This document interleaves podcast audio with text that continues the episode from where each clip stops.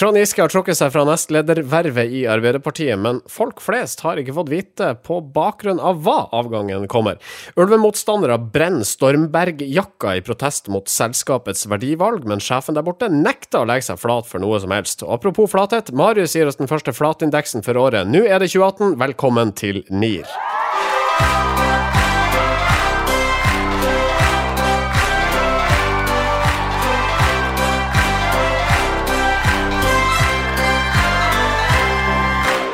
Mitt navn er Marius Staulen, med meg Sindre Holme til høyre her. Ja, det er meg, det, vet du.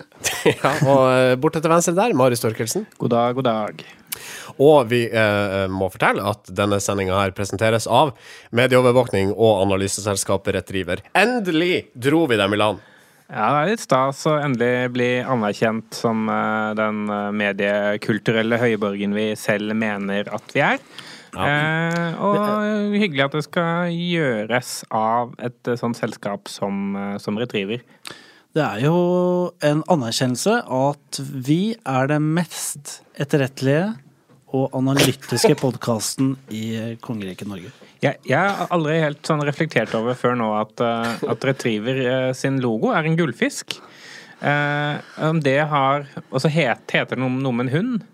Ja, golden, golden, retriever. golden, retriever. Kanskje det er golden, gold, gullfisk, golden retriever. Kanskje det er, Goldfish retriever. Goldfish retriever. Jeg lurer på om det er sånn Uh, at det er, det er jo et, uh, en tjeneste for å søke opp uh, medieklipp og sånn, blant annet, og gjøre medieanalyser. Så kanskje det er fordi man har en tendens til å glemme ja. alt som har vært i mediene med en gang, som en gullfisk. Ikke sant? Men så har de søkefunksjonalitet som en hund. Yes! Det var akkurat ja, det jeg tenkte. Sporhund, selvfølgelig. Ja. Yes, yes, yes. Veldig bra resonnement der. Ternekast seks for det resonnementet. Takk. Det er sjelden vi har terningkast i denne podkasten vår. Eh, det er veldig sjeldent. Vi er jo gjerne litt sånn polariserte. Vi mener at folk er enten idioter eller uh, genier.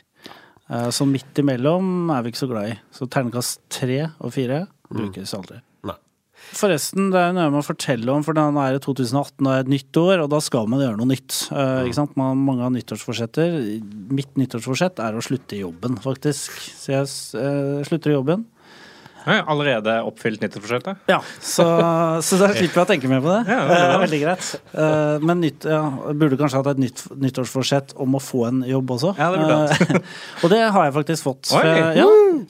Så eh, nå sier jeg ha det til mediebransjen, eller kanskje ikke helt, men jeg skal bli sånn helsegründer. Helseteknologigründer, faktisk. All right. Du er ikke så imponert? Det hørtes ikke så spennende ja, altså, vi, vi, er forsiktig avventende, kanskje. ja, ja, nei, nei, altså det jeg faktisk skal gjøre, er å eh, Sammen med noen forskere så skal jeg utvikle et uh, digitalt verktøy, um, eller et spill, som skal hjelpe barn som ikke klarer å gå på skolen, til å gå på skolen. Oi. Ah.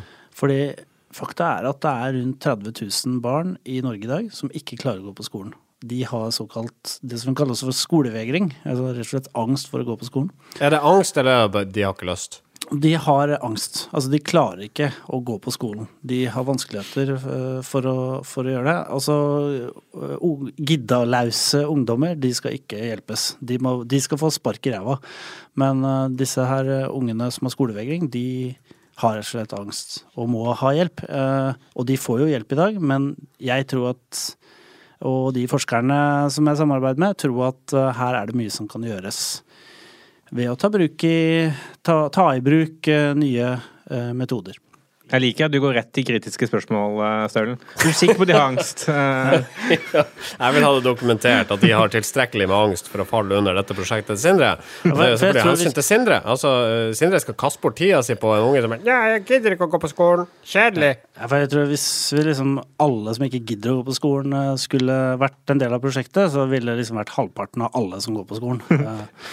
så, så det gjelder de som rett og slett ikke klarer. Så jeg, jeg føler navnet på denne podkasten blir mindre og mindre gjeldende. da, sånn mm. Ja. Ikke, nå er det ikke du rådgiver engang. Nå er du Nei, pedagog, plutselig. Pedagog. Norske, norske pedagogrådgivere. da kan vi bare gi opp. Da kan vi ta inn kiropraktorer og, og, og fysioterapeuter òg. Jeg tenker det hadde vært morsomt å lage en podkast til som heter Norske kvakksalvere. Men det er jo Mm. egentlig det vi er, og, og har vært for så vidt hele tiden. Ja. Når vi har eh, kommet med råd i denne podkasten. Um, All right, vi kjører i gang denne sendinga. Norske informasjonsrådgivere. Mer enn 3000 saker er publisert i norske medier fra 13.12. og frem til i dag om Trond Giske og varslingene om ham, som til slutt førte til at han trakk seg fra nestledervervet. Det skjedde litt utpå nyåret. Mediekommentator Anki Gerhardsen mener at for den alminnelige nyhetsleser så må det å følge denne saken ha vært en underlig opplevelse. Her har man bare måttet stole på at pressen vet eh, hva de driver med, og at det faktisk er noe her. Eh, for de harde fakta i saken, altså hva Giske faktisk har gjort, var i lengre tid, eh, og til en viss grad fortsatt er, ukjent. Ja, eh, jeg, jeg syns eh, Altså, denne saken her er jo eh, som det abnormt høye tallet, eh, 3000 artikler på under to uker, eller under en måned, viser. Den er jo snakke, skrevet i hjel og snakka i hjel osv. Men, men jeg syns liksom, det er poenget med at eh, her, her så får vi virkelig liksom medietilliten brynt seg litt. Da. Fordi he, hele liksom, sakskomplekset og dekningen av det handler om at vi som lesere bare må stole på at de som skriver saken, eh, vet at dette er en ordentlig sak. Og det var en måte helt fra det første oppslaget til DN 13.12. I, i fjor. Eh, så, så var jo det egentlig bare en sak som snakka om noen ubekrefta rykter om en SMS som Trond Giske visstnok skal ha sendt eh, til en 19-åring under et landsmøte eh, om hvor, hvor nachspiel er. Det som har gjort uh, Altså, det var jo mange medier her som satt på uh, rykter og historier om Giske, men det eh, det anså man som noe som liksom tilhører privatlivet, ikke sant. Det handla om hvordan han agerte privat. Men så kom jo Anniken Huitfeldt og sa at vi må nå være forsiktige og passe på at ikke disse varslene blir en del av et maktspill i Arbeiderpartiet. Og da plutselig var dette en sak. For da var saken om fløyene i Arbeiderpartiet, og hvordan da dette muligens hadde noe med et, eh, et maktspill å gjøre. Så hun, hun luk, lukka opp den, det skapet, på en måte, eh, og, og der falt det ene historien etter den andre ut.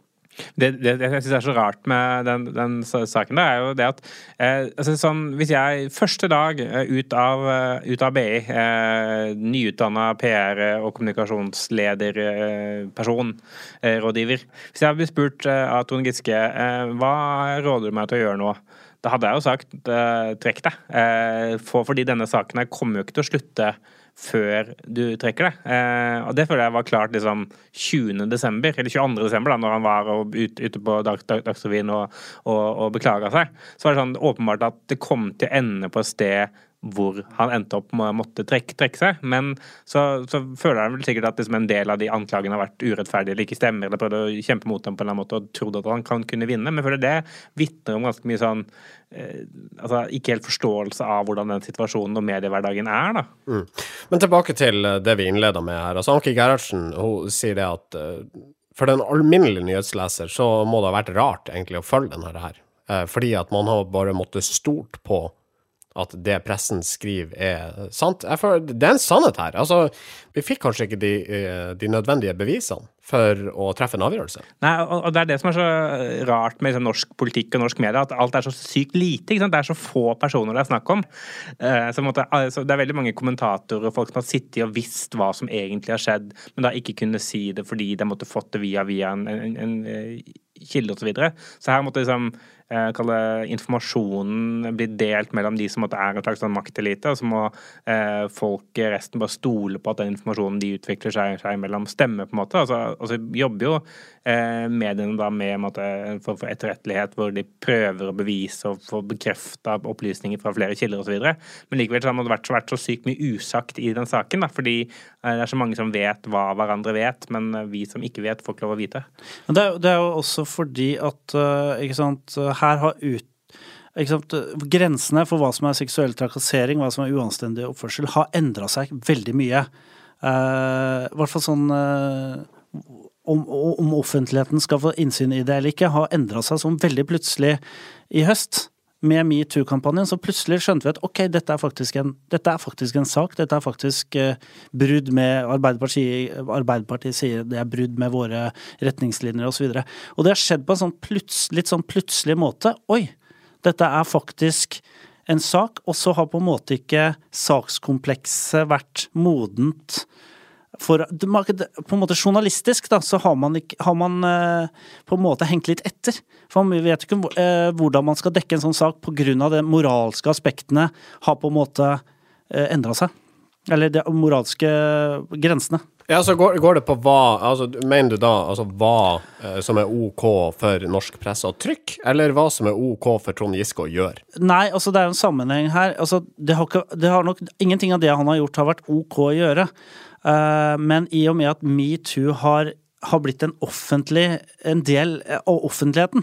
Mm. Uh, at den samtalen rundt uh, seksuelle trakasseringer har, har, blitt så stor i offentligheten, så har plutselig det her blitt sugd inn i, denne, i den uh, konteksten. da. Det, det, måtte, det, det, er plutselig blitt en sak, da. Før så var det bare sånn Ja, men det er bare sånn Trond Giske er. Han, han tafser litt, og han, han, prøver å kysse jenter, men det er bare sånn Trond er. ikke sant? Og nå er det blitt sånn Dette er plutselig symboler på eh, hele den metoo-bevegelsen. ikke sant? Så da, da, blir det en mediesak, og mediene vet ikke hvordan de skal håndtere da, de kall det ubekrefta ryktene. Jeg, jeg syns det er veldig interessant, da, for Trond Giske har vært en, en, en uh, karakter som har blitt parodiert og tulla med av komikere. Uh, sånn som eksempel når Thomas Giertsen i Nesten perfekt, det er helt perfekt, det der serien, uh, kaller Trond Giske eksplisitt for en fittesnik, uh, så er det klart at du skjønner at det er noe i det. Ja. Men jeg tenker egentlig det som er problemet, er liksom at det ikke har vært noen voksenperson rundt Trond Giske som kan si til Trond Giske Trond, dette er ikke greit. Dette er ikke sånn man oppfører seg blant, uh, ute blant folk osv. Så og så har han rett og slett ikke fått oppdragelse, da. Torvald eh, Stoltenberg burde ha vært uh, Ja, hvor var Einar Gerhardsen uh, der, liksom? Norske informasjonsrådgivere. Hennes og Maurits er i hardt vær igjen, denne gang pga. påstått rasisme. I en britisk reklame så har de dressa opp en kid i en genser med teksten 'The coolest monkey in the jungle', uh, og den aktuelle ungen hadde hud type svart. Uh, reklamen fikk internett til å rase, som journalister pleier å si, og det synes faktisk å få reelle konsekvenser, dette her for hennes og Maurits. I innspillende stund har to artister varsla at de ikke lenger vil samarbeide med kleskjeder. Først canadieren The Weekend og så G-Easy. Sistnevnte hadde like til en konkret plan på papiret om å lansere en egen kolleksjon gjennom Hennes og Møritz, men det kommer altså ikke til å skje. Nei eh, ja, det, det, er jo eh, sannsynligvis ikke ment eh, rasistisk. Jeg kan, kan ikke se for meg at det har sittet noen eh, for, på et HM-kontor i markedsgruppa til HM i England og vært sånn Ja, han gutten her han ser ut som en ape, vi tar på han apegenseren. eh, altså det, det, det, tror jeg virkelig ikke har skjedd. Men så er det jo likevel eh, man må jo ha såpass forståelse for, uh, for sightgeisten at man forstår at det er sånn ting blir tolket. Mm. Og at liksom, uh, når du kaller noen king of the jungle, så, så er det om ikke annet uh, ubetenksomt. da. Nå er det en sak som er på en måte under utvikling, så når vi er på lufta, så vet vi ikke hvordan liksom, Hense Maurits egentlig har håndtert den saken. Men, men, det jeg tenker er at jeg, synes, jeg savner liksom den derre Hva skjedde? For det skjedde en tabbe et eller annet sted. Ja. Var det under fotoopptaket at fotografen valgte ut modeller og klær? Hvem var det som gjorde det? Og jeg tenker det er interessant å vite, og det kan ta brodden av en del av kritikken for å vise at faktisk det var en liten sånn Det var en praktisk tabbe, eh, og selvfølgelig Eh, man skal ikke liksom bagatellisere dette her, men, men, jeg vil gjerne vite det. Jeg vil gjerne ja. vite hva skjedde her, hvor var feilen? For det er ganske mange ledd i en sånn prosess. Det er et fotoopptak, det er noen som har lagd den genseren, ikke sant? Og så er det noen som sitter og putter dette inn i en katalog. Sånn at det er ganske mange her, mange uh, trinn da, i en sånn prosess uh, ikke, hvor folk ikke har sett, uh, ikke har klart å liksom fange opp at dette går ikke an. Vi kan ta av bordet det at Hennes og Møritz gjorde dette med vilje. Det finner vi svært lite trolig. At det faktisk sitter en rasist i Hennes og Møritz. Tilfeldigvis har ansvar for reklamebildene ja, og ja, modellfotoshootene. Ja, så det kan vi se bort ifra. Uh, og, så, er det en annen ting som jeg har tenkt på i denne saken, er jo uh, altså analogibristen. Uh, denne genseren er beregna for barn. barn er ikke aper, og de bor ikke i jungelen. Ergo så må statementet leses som en analogi. Altså coolest monkey in the jungle kan uh, f.eks. leses som den kuleste kiden i gata. Her, her har ikke Hens Møritz lagd gensere for selvbevisste aper som ønsker å framstå som fetere enn de andre ap apene. Coolest monkey in the jungle. Altså, jeg er den tøffeste av alle av mitt like, og ja. mitt like er her unger. Men, men eh, når, når man da liksom Jeg føler det er ganske sånn lett å forstå at dette har ikke vært meninga, men likevel uh, utaktsomt, og det er helt riktig at HM går ut og beklager det, og de har trukket tilbake genseren osv. Men når da jeg tenker sånn, The Weeknd og, og, og GC da, og disse, disse samarbeidspartnerne som går ut og fordømmer HM altså, Jeg kan godt forstå at de måtte trekke seg fra samarbeid med HM, men jeg mener det burde de gjort for lenge siden. fordi sånn, HM er jo mildt sagt et ganske sånn kontroversielt selskap. altså sånn, Det har lenge vært uh, både anklager og beviste eh, tilfeller av eh, både underbetalte arbeidere i sånn Kambodsja osv., barnearbeid, eh, mildt sagt kritikkverdige forhold som disse klærne lages under. Så når mm. disse artistene faktisk velger å ut og ta et standpunkt, så er det egentlig på en veldig sånn symbolsk, nesten litt sånn ikke ikke-sak. Det er farlig å kalle det ikke-sak, men på en veldig symbolsk sak, mer enn, mer enn liksom, hva de faktiske handlingen til det selskapet de er med på å promotere, gjør. Altså, sånn, hvor, er, hvor, er, kjærligheten og sinnet for disse 19 år gamle jentene i Kambodsja som lager T-skjorter til seks kroner stykket, liksom? Hva, hva, hva, hvor, hvor, er det? Det er det jeg syns er så sånn dobbeltmoralsk med hele den, den greia der. Ja, også en typisk barnearbeid og, og, miljøkriminalitet. Det krever at man setter seg inn i noe. Mm. Og, og, det, og, definerer deg litt mer som uh, artist, da. Hvis du tar eierskap til liksom uh, barnearbeid, så er du en artisten som uh, er opptatt av det, ja. på en måte. Mens her så er det bare sånn der Det er så enkelt, det er så enkelt å engasjere ja. seg i det. Det er ja. så En svart kid som bruker ei skjorte det står Monkey på. Yes, det er så enkelt. Jeg har et til poeng. Og det er at ting kan ikke være rasistisk. Det er mennesker som er rasistisk. For eksempel hakekorset har vært brukt i tusener av år, bl.a. blant annet i kristendommen. Eh, og i jødedommen. Man har funnet et eksemplar på en synagoge i Israel, leste jeg eh, på Wikipedia. Og så kom nazistene og fucka det til, og vi antar nå at enhver bruk av hakekorset i dag, altså i alle fall her i den vestlige verden, er meint å peke til nazismen. Altså, det, det, er ingen i, i, i uh, uh, altså Norge eller noen av våre naboland som tar opp et hakekors som et dekorelement. Det er ingen som henger det på juletreet. Men, men hakekorset i seg sjøl er ikke rasistisk. Det er den som bruker det for å fremme rasisme, som er rasisten. Og på samme måte, en genser kan ikke være rasistisk. Koblinga er åpenbar men like åpenbart som at dette ikke er gjort med overlegg, og da undrer seg hvorfor er rasisme i det hele tatt på bordet? Det var ikke rasistisk ment, ergo er det ikke rasisme. Må vi bruke så utrolig mye tid på å diskutere de her tingene?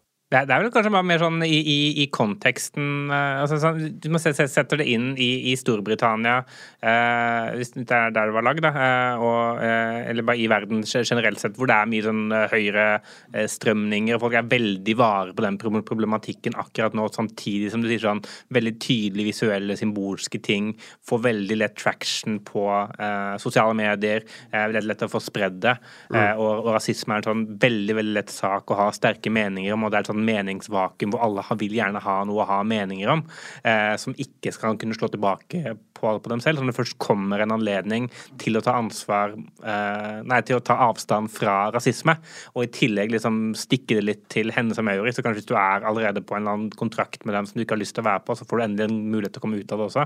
Så, så er det mange som har interesse av å hype det. Og så, så jeg, altså jeg mener det er helt åpenbart også at, at HM ikke er rasister. Eh, rett og slett fordi det ikke er lønnsomt for dem mm. å være det. Ikke Men altså, helt åpenbart at hvis det hadde vært lønnsomt, da hadde HM vært rasister. Det, er ikke noe, det tviler jeg ikke på. Hvis samfunnet hadde belønna rasister, så hadde nok Hennes og Møritz vært en gjennomrasistisk eh, organisasjon. Altså, hvis de kunne solgt flere gensere, så hadde de vært, da hadde det vært hakekors mm. på alle gensere. Ikke sant? Eh, det er ikke det tvil om. Det er null moralsk kompass i så den. Så hadde Hitler vunnet krigen, så hadde hennes, hennes Ondt Maurits vært ja, det har vært rasister. men, men, men, heldigvis så har vi ikke et slikt samfunn, at vi lever i et samfunn der de aller, aller, aller fleste ikke er rasister. Som, og som samfunn, som det kollektive samfunn, så lever vi av rasister eh, fordi de vurderer verdien av mennesker på basis av hudfargen de tilfeldigvis er eh, tildelt. Dette her er kjipe folk. Ja, altså Det vi kan si, er jo at en sånn sak liksom bidrar til å opprettholde en eller annen slags orden. da. For Hvis du lar en sånn sak passere, så risikerer du at den orden vi har nå, med liksom hva er akseptabelt og ikke akseptabelt, blir liksom forskjøvet. For det risikerer at kanskje rasistene faktisk tar eierskap til dette her, eh, og liksom promoterer sin sak gjennom det. Sånn at den type saker Ok, vi kan godt si at vi ikke skal blåse det opp og sånn, men, men samtidig, den bekrefter verdier vi har i samfunnet, ikke sant. Hele tiden, ok, man får bekrefta det gjennom denne diskusjonen, at sånn skal det være. Dette kan vi ikke godta, og da er, er liksom alt ved det normale. Og ikke minst så kanskje, kanskje du får eh, reklamebyråer til å dobbeltsjekke ting de lager før de publiserer det på nett. Yes. Norske informasjonsrådgivere. Klesprodusenten Stormberg har inngått et partnerskap med miljøorganisasjonen WWF Norge. Det er det mange som ikke liker, og noen av disse som ikke liker dette her, skal til og med ha brent klærne sine i protest. Hva er det med WWF som gjør Stormberg-brukere så forbanna? Nei, det er jo noe med WWF, og det er at de er en, det er en forkortelse for World Wildlife Fund. Og det betyr at de er opptatt av artsmangfold. Og det betyr, igjen, at de er opptatt av at ulven også skal kunne leve i landet. Og det er det mange som ikke liker. Ja, Som vi har diskutert tidligere, dette er i hvert fall et problem for bønder enkelte steder i landet, som opplever at buskapen deres blir drept av disse dyra. De er i hvert fall rasende på Stormberg eh, og mener at eh, de har kjøpt sitt siste Stormberg-plagg. Eh, og det som er litt eh, fiffig her, er jo at eh, Steinar Olsen i Stormberg, som jo er eh, en tidlig sosiale medier-guru, kan man si Står i dur, Storydoer av rang. ja. Eh, han ble blant annet eh, kjent for å ha kritisert SAS for ikke å ha servert han et glass vann på et fly en gang, som fikk en Twitter-storm etter seg. Uh, men han uh, svarer da med å doble støtten til WWF, og det er jo litt tøft å gjøre. Altså, jeg, jeg, jeg elsker trassbasert kommunikasjon. Jeg føler mer, flere norske virksomheter burde inkorporere trass som kommunikasjonsprinsipp. For å ta dette her raskt kronologisk. 400 000 kroner skulle Stormberg gi til WWF. Så er det noen som blir forbanna på Stormberg. Stormberg svarer da eh, med å doble denne støtten til 800 000 kroner årlig. Eh, folk er fortsatt forbanna. Noen sier at de skal brenne klærne, altså Stormberg-klærne sine, og eh, Steinar J. Olsen i Stormberg sier da til Dagens Næringsliv at han vil heller oppfordre disse folkene til å ta turen til nærmeste Stormberg-butikk for å pante klærne, og gjennom det sørge for at noen andre kan få glede av turtøyet.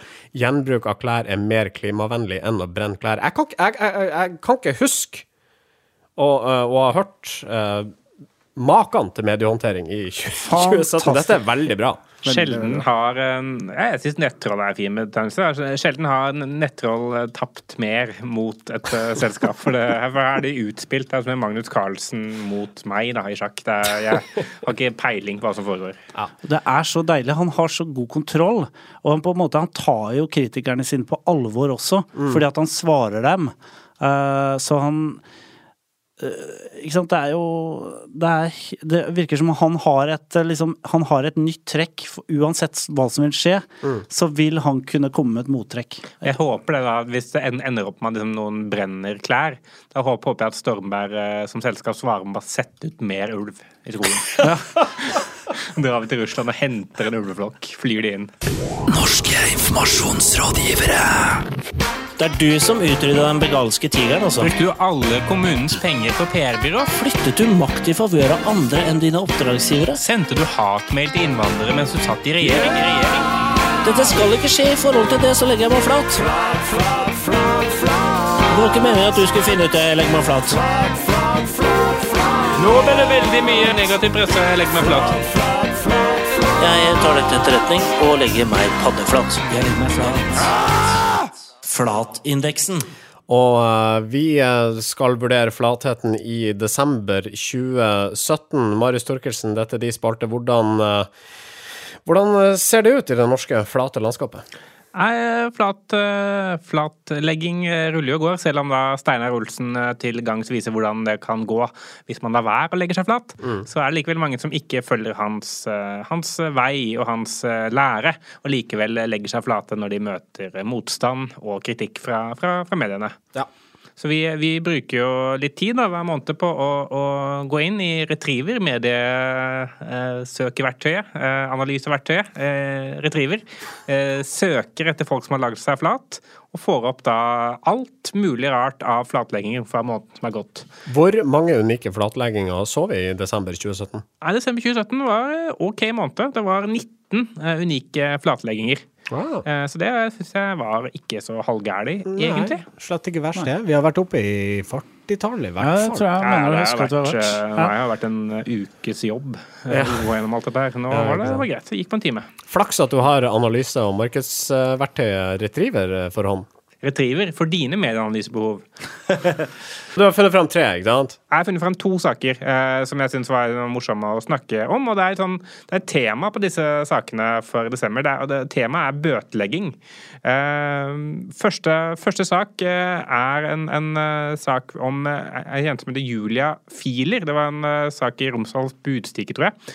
Eh, hvor eh, Julia Filer hun hadde leid en leiebil fra Hertz eh, for å kjøre strekningen Gardermoen-Hemsedal. Eh, og på denne, i denne leiebilkontrakten så hadde hun en kilometergrense på 600 km. Eh, og hun eh, leide bilen, kjørte frem og tilbake, kjørte i overkant av 400 km. Så reiser hun hjem til, eh, til Tromsø, eh, hvor, eh, hvor hun da går inn i nettbanken sin, ser at hun har blitt trukket for 1782 kroner fra kontoen. eh, fordi ifølge leiebilselskapet Hertz så har hun, hun nemlig kjørt 801 km. Eh, så godt over da kilometergrensa. Og så prøver hun å ta kontakt med Hertz og si at dette er jo feil, eh, videre, For hun så at eh, på den kontrakten, eh, eller på den regninga hun har fått, så sto det feil registreringsnummer. Eh, Og Hertz var sånn Nei, jeg tror det er riktig registreringsnummer, du må bare betale. Eh, Nei, det er feil, jeg har bilde av bilen. Eh, Her er det en registreringsnummer jeg hadde. Så etter veldig mye frem og tilbake, måtte snakke med representanter i Tyskland osv. Så, ja. Så, så fikk hun da til slutt liksom pengene tilbake, da. Men likevel så skulle de da ha penger for masse bompasseringer som hun visstnok hadde kjørt. Og så viste hun igjen, da, gikk inn i Google Maps, søkte opp. Det var én bompassering fra Oslo til Hem Hemsedal. Altså hun skyldte dem 40 kroner, ikke 240 kroner, sånn som de påsto. Så etter mye frem og tilbake, da, snakke med representanter i, eh, i England osv., så, videre, så fikk hun tilbake 200 kroner. Da var hun sånn OK, greit nok, jeg gidder ikke å klage mer. De siste 40 kronene får for de få. Hva, skjer med, altså, hva skjedde med det å være pragmatisk i slike situasjoner? Hvorfor i alle dager blir dette en nyhetssak i utgangspunktet? Altså, Fordi det er nemlig en kicker her. Eh, fordi etter at hun hadde fått disse 200 kronene og var vel fornøyd, så fikk hun plutselig en bot på 4600 kroner og to prikker på førerkortet. What?! Fordi ifølge politiet så hadde hun kjørt 96 km i timen i en 80-sone på E18 i nærheten av Kragerø. Altså da 35 mil lenger nord i landet enn hvor hun var på det tidspunktet hun leide bilen. Så hun måtte tilbake inn til Hertz, så hun måtte sende brev til politiet og si Uh, Hei, det var visst en feil med registreringsnummeret. Hun var ikke sjåføren likevel av den bilen. Eh, og etter veldig mye om og men, så har hun fått trukket tilbake boten, fjernet prikkene, og nå er bare 40 kroner fattigere enn det det skulle vært. Hertz Norge de beklager saken. De sier årsaken er dessverre en menneskelig svikt hvor vi blandet sammen to biler av samme merke og modell. No shit, Sherlock. Og de legger seg fullstendig flate. OK. Uh, og den flateste i desember 2017? Den, den eh, flateste, det er eh, Det er nok Security Park i Drammen. Dette er en sak fra Drammens eh, Tidende, hvor igjen da, Husk at vi er i bøteleggingens og da flatleggingens tegn.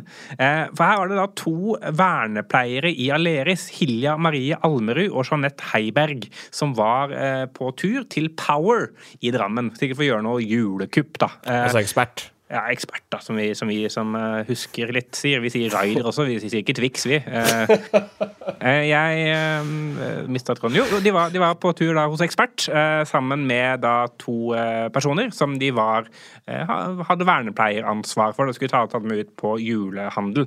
Eh, og så da parkerer eh, Jeanette, som kjører bilen, eh, går ut eh, inn på butikken for å få verifisert eh, parkeringslapp eller, et eller annet sånt, og de parkerer på handikap-parkering. Eh, men så har de, glemt sånn handikapparkeringsskilt. Og hun, Hilja Marie hun sitter, da i baksetet sammen med en av de hun da har eh, ansvaret for. Eh, og plutselig, mens hun sitter der, så får den personen et sterkt eh, epileptisk anfall. Som begynner å sprelle, hodet, øynene går bak i hodet, og vi er virkelig liksom, ute og trenger hjelp. da. Mens dette skjer, så åpner plutselig frontdøra seg, og inn titter en parkeringsvakt som sier hei. Jeg ser at dere ikke har handikapskilt hengende i frontruta. Det blir bot. Og Hilja Marie får ikke funnet det fram. Hun sitter og hjelper denne personen som får anfall samtidig. Og dette ser jo den personen som, som, eh, som stikker inn. Men han bare han, Henry, han, eh, Parkeringsvakta? Pa, pa, parkeringsvakta. Han eh, skriver bare en bot, legger den fra seg og løper av gårde, visstnok ifølge Hilja Marie. Eh, og dette ble jo, eh, tro det eller ei, en, en eh, mediesak. Og Drammens Tidende de kontakta da Security Park, som saken gjelder, og de syns denne saken er veldig, veldig uheldig. Eh, Den har blitt slettet fra deres system, og de legger seg helt flate. Selvfølgelig trenger man ikke handikapskilt hvis personene er åpenbart handikappa. Ja. Men eh, altså, sånn er sånn, Tenk på sånn provisjonsbasert parkeringsvakt. Uh, går ikke av veien for å for å skrive ut bot til, eh, til en person som er i Jeg nød. jeg tror ikke det er lov lenger. Jeg tror ikke det er lov å drive og skrive ut eh, bøter mot provisjon. Er det ikke det? Ja, I tillegg så har ikke par- parkeringsvakter lov til å åpne døra på biler heller, ja. uten å bli bedt om det. Så det er, det er flere graverende feil som har skjedd her. Heller ikke lov for- til å seksuelt trakassere uh, bilister. Ikke nå lenger. Heller. Før var det Før helt ok, men uh, disse, På det glade 90-tallet Ja. så var det lov. Ja, da kunne du betale med seksuell trakassering istedenfor bot. Det ble en Ja. merkelig Neste samtale. Neste sending skal vi legge oss flate. Eh, Det er det ingen tvil om. Eh, Inntil da, ha det bra. Norske informasjonsrådgivere.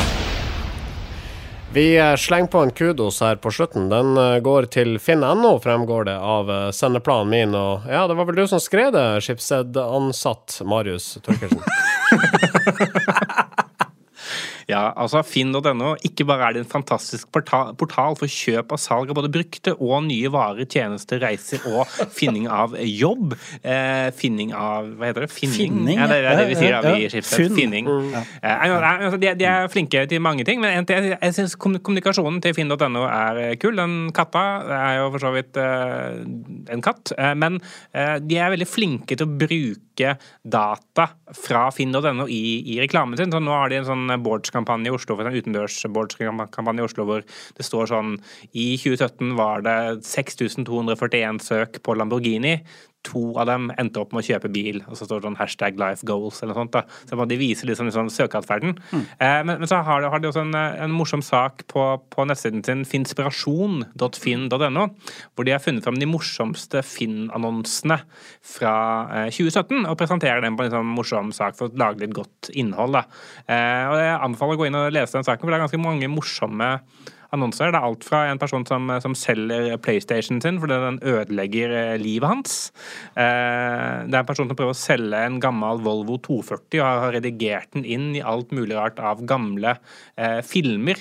Eh, alt fra Back to the Future til, til Rocky osv. Eh, det er en person som er nødt til å selge spisebordet sitt fordi kona har kjøpt nye puter, og da må man visstnok også selge spisebordet. Eh, så, så det er mye gøy, mye morsom lesning. Jeg synes det er en morsom måte for Finn å holde seg relevant på, samtidig som man er tett på produktet. Da. Content marketing er kommet for å bli, tror jeg. Det er, dette er Bevis på igjen det. Eh, det er storydoing, det er, det er alt. Og er- før er vi, før vi avslutter helt, uh, Staulen, nå tar jeg over programlederpinnen, holdt jeg på å si. Eh, det er at jeg har lyst til å nevne hva Sarah Silverman gjorde denne, denne uka.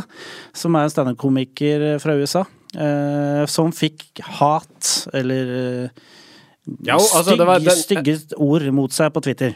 Ja, eh, det var da eh, en person som kalte Sarah Silverman for for for, for eh, kønt. Eh, og hun valgte en overraskende tilnærming til denne fornærmelsen, nemlig å snakk med vedkommende troll. Ja, hun gikk faktisk litt grundig til verks og begynte å se litt hva han har tvitra tidligere, og gjorde litt research på denne eh, litt sure ty typen, da. Ja. Og fant ut at han hadde, hadde ikke så greit. Så hun begynte å stille spørsmål, eh, og, og rett og slett endte opp med å hjelpe han med å få hjelp, fordi at det var en kar som ikke hadde tillit til noen, eh, og hadde opplevd mye fælt i livet sitt, rett og slett. Han hadde opplevd misbruk i, eh, i ung alder, Jeremy Jumrosi, som han heter. Eh, og, og var i dag vel, ja, tydeligvis plaga med, noe- med noen ryggproblemer. Uh, så Sarah Silverman, etter å ha snakka med vedkommende, går mer eller mindre ut og ber sine følgere om å, å hjelpe fyren. Det er et begrep eh, jeg merka meg i dekningen av denne saken, og begrepet på engelsk er 'the neutralizing effect of unexpected love'. Altså det betyr at eh, hvis du kontrer stygge, stygg kritikk eh, med kjærlighet og omsorg, så nøytraliser, nøytraliserer du rett og slett kritikken. Den forsvinner. Ja. Og Sarah og Jeremy de ble venner, og Jeremy eh, takka eh, Sarah Silverman og beklaga det han hadde sagt. Det er rett og slett ei, ei flott historie. Ja, en Nydelig historie. Og det er en fin avrunding for eh, eh, 2018s første NIR-sending. Du finner oss eh, på facebook.com slash NIRcast. Du finner oss i iTunes og overalt ellers hvor du måtte høre på podkaster. Hvis du liker det du hører, eh, sett gjerne et par ord på det, og, og, og gi oss noen eh, stjerner. Og fortell om det i lunsjen. Eh, Ja. Fortell det til Fortell sidemannen eh, om det. Sidekvinnen, osv. Hvis du hater oss, så får du bare sende oss en e-post nirkast.yahoo.com. Vi kommer til å svare deg med kjærlighet, og vi kommer til å bli venner på slutten av den e-postkrangelen der. Vi er tilbake om ei uke, og fram til da Ha det bra! Norske informasjonsrådgivere.